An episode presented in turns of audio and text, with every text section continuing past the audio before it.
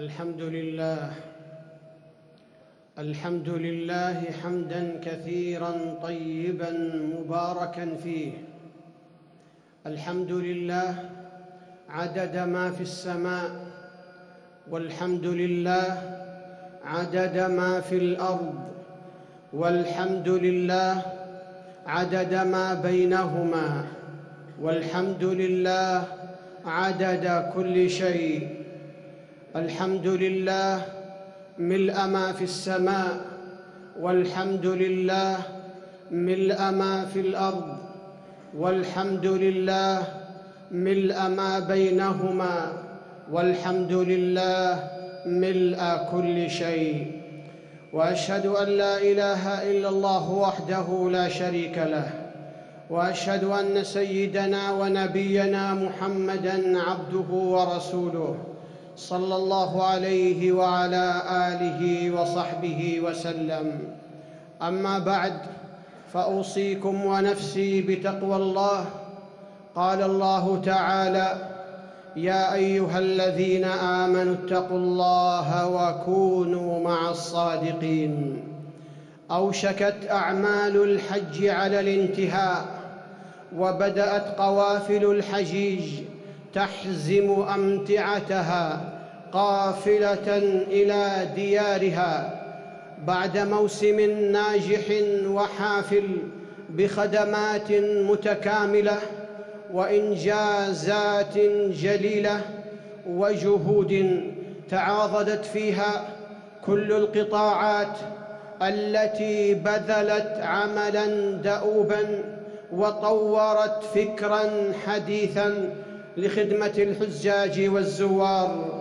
فجزى الله ولاة أمر هذه البلاد الذين أنفقوا بسخاء وأشرفوا بوفاء وبارك في رجال صادقين صنعوا مجدا وإتقانا في خطط الحج فأخرست الأبواق الناعقة التي تشوه الحقائق وتزيف الأحداث وأشعة الشمس لا يحجبها غربال لقد من الله علينا بنعمة مواسم الطاعات التي تترادف خيراتها وتغمرنا فيها رحمات الرب سبحانه بالمغفرة.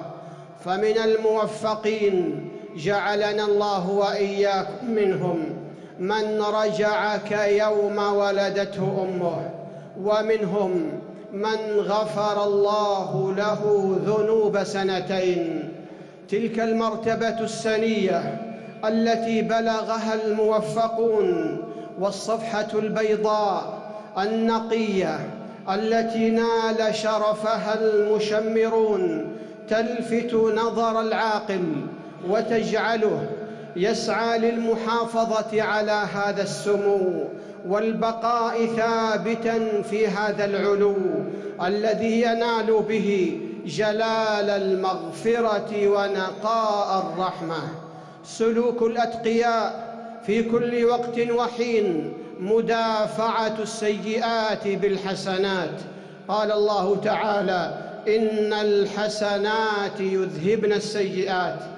التنقية المستمرة من لوثات الحياة والتطهير الدائم لصحيفة العمل لا ينقطعان بانتهاء المواسم ولا يقتصر أمرهما على مكان محدد أو زمان معلوم. ذلك أن شؤم الذنوب يورث الحرمان ويعقب الخذلان وإن قيد الذنوب يمنع من المشي إلى طاعة الله والمسارعة إلى خدمته. ولهذا يتلمس المسلم الأعمال التي تكفر الذنوب وترفع الدرجات على مدار العام تزكية لنفس تنشد النقاء والارتقاء.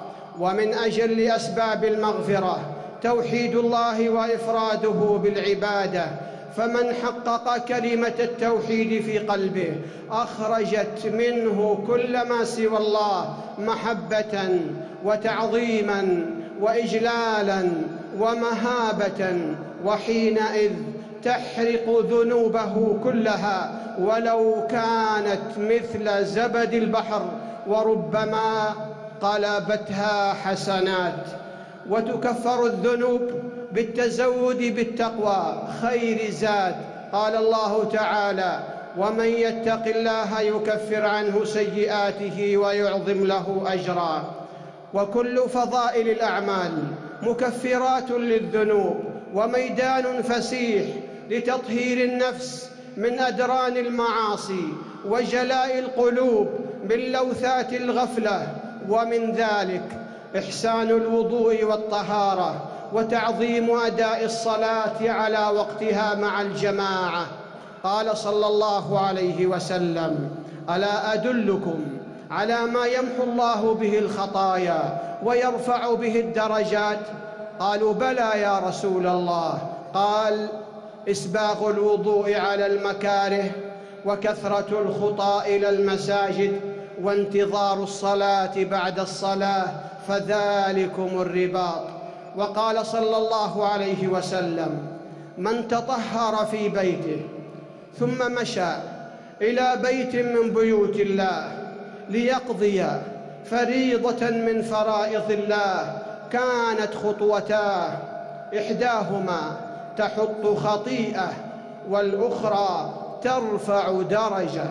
وقال عليه الصلاة والسلام تحترقون تحترقون.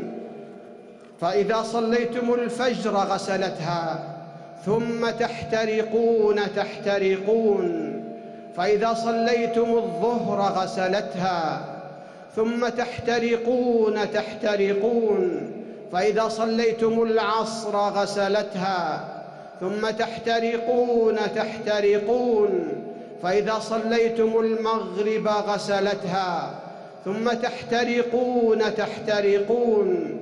فإذا صليتم العشاء غسلتها ثم تنامون فلا يكتب عليكم حتى تستيقظوا. وتكفر السيئات وترفع الدرجات بالبذل والإنفاق والصدقة.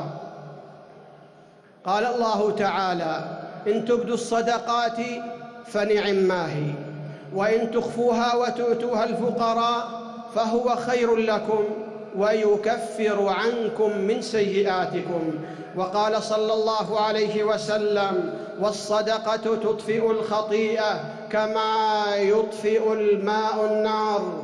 القيام بالأمر بالمعروف والنهي عن المنكر من مكفرات الذنوب ورفعة الدرجات.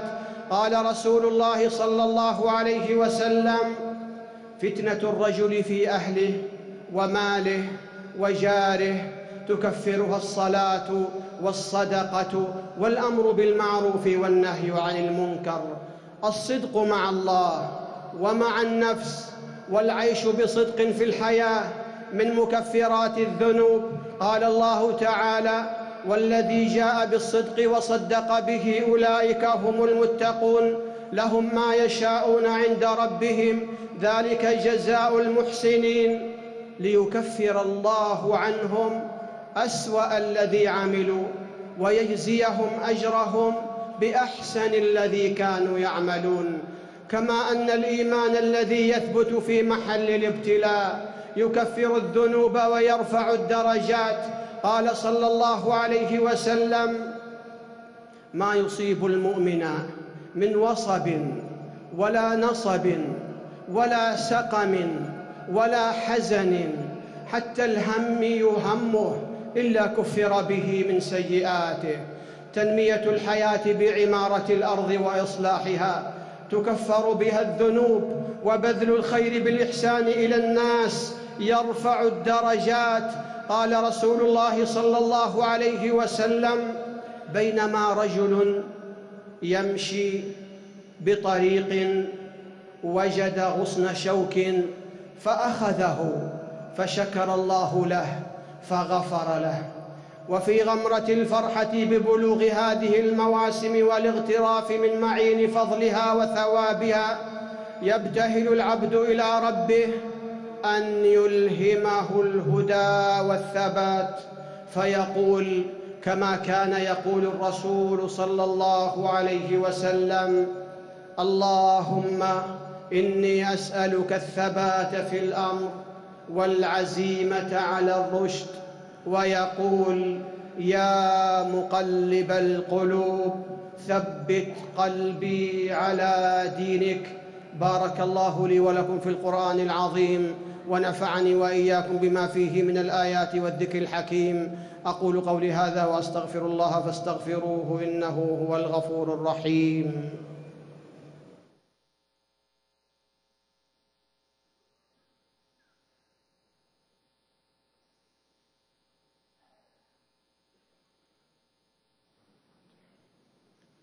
الحمد لله نال رضاه الموفقون وبهداه اهتدى المهتدون وأشهد وأشهد أن لا إله إلا الله وحده لا شريك له أقر بذلك المؤمنون وأشهد أن سيدنا ونبينا محمدا عبده ورسوله ينال شفاعته المتبعون. صلى الله عليه وعلى آله وصحبه ما ذكره الذاكرون. أما بعد فأوصيكم ونفسي بتقوى الله. ذكر الله يغدق فيضا غامرا من النفحات فبكلمات يسيرة في لحظات وجيزة وبنية صادقة تمحى الذنوب وينال المسلم أعلى الدرجات. قال صلى الله عليه وسلم من قال لا إله إلا الله وحده لا شريك له له الملك وله الحمد وهو على كل شيء قدير في يوم مئة مرة كانت له عدل عشر رقاب وكتبت له مئة حسنة ومحيت عنه مئة سيئة وكانت له حرزا من الشيطان يومه ذلك حتى يمسي ولم يأت أحد بأفضل مما جاء به إلا أحد عمل أكثر من ذلك. وقال صلى الله عليه وسلم من قال حين يسمع المؤذن وأنا أشهد أن لا إله إلا الله وحده لا شريك له وأن محمدا عبده ورسوله رضيت بالله ربا وبمحمد رسولا وبالإسلام دينا غفر له ذنبه. وقال صلى الله عليه وسلم من قال سبحان الله وبحمده في يوم مئة مرة حطت خطاياه وإن كانت مثل زبد البحر وقال صلى الله عليه وسلم من سبح الله في دبر كل صلاة ثلاثا وثلاثين وحمد الله ثلاثا وثلاثين. وكبر الله. ثلاثا وثلاثين. فتلك تسعة وتسعون. وقال تمام المئة. لا إله إلا الله وحده لا شريك له. له الملك وله الحمد وهو على كل شيء قدير. غفرت خطاياه. وإن كانت مثل زبد البحر. هذا غيض من فيض نفحات الكريم المنان. والسعيد من ابتهل المكرمات وسعى في تكفير ذنوبه ورفع درجاته ليلقى ربه بصحيفة أعمال طاهرة نقية. فإن الله عز وجل يبسط يده بالليل ليتوب مسيء النهار ويبسط يده بالنهار ليتوب مسيء الليل حتى تطلع الشمس من مغربها. ألا وصلوا عباد الله على رسول الهدى. فقد أمركم الله بذلك في كتابه فقال إن الله وملائكته يصلون على النبي. يا أيها الذين آمنوا صلوا عليه وسلموا تسليما. اللهم صل على محمد وأزواجه وذريته كما بارك كما صليت على آل إبراهيم وبارك على محمد وأزواجه وذريته كما باركت على آل إبراهيم إنك حميد مجيد. وارض اللهم عن خلفاء الأربعة الراشدين أبي بكر وعمر وعثمان وعلي وعن الآل والصحب الكرام وعنا معهم بعفوك وكرمك وإحسانك يا أرحم الراحمين. اللهم أعز الإسلام والمسلمين. اللهم أعز الإسلام والمسلمين. وأذل الكفر والكافرين. ودمر اللهم أعداءك أعداء الدين. واجعل اللهم هذا البلد آمنا مطمئنا وسائر بلاد المسلمين. اللهم من أرادنا وأراد الإسلام والمسلمين بسوء فأشغله بنفسه واجعل تدبيره تدميره يا سميع الدعاء. اللهم من أرادنا وأراد الإسلام والمسلمين بسوء فأشغله بنفسه واجعل تدبيره تدميره يا سميع الدعاء. اللهم من أرادنا وأراد الإسلام والمسلمين بسوء فأشغله بنفسه واجعل تدبيره تدميره يا سميع الدعاء. اللهم كن للمسلمين المستضعفين في كل مكان. اللهم كن لهم مؤيدا ونصيرا وظهيرا. اللهم إنهم جياع فأطعمهم. وحفاة فاحملهم وعراة فاكسهم ومظلومون فانتصر لهم ومظلومون فانتصر لهم ومظلومون فانتصر لهم اللهم منزل الكتاب مجري السحاب هازم الأحزاب اهزم أعداءك أعداء الدين وانصر المسلمين عليهم يا رب العالمين اللهم إنا نسألك الجنة ونعوذ بك من النار. اللهم إنا نسألك من الخير كله عاجله وآجله. ما علمنا منه وما لم نعلم. ونعوذ بك من الشر كله عاجله وآجله. ما علمنا منه وما لم نعلم.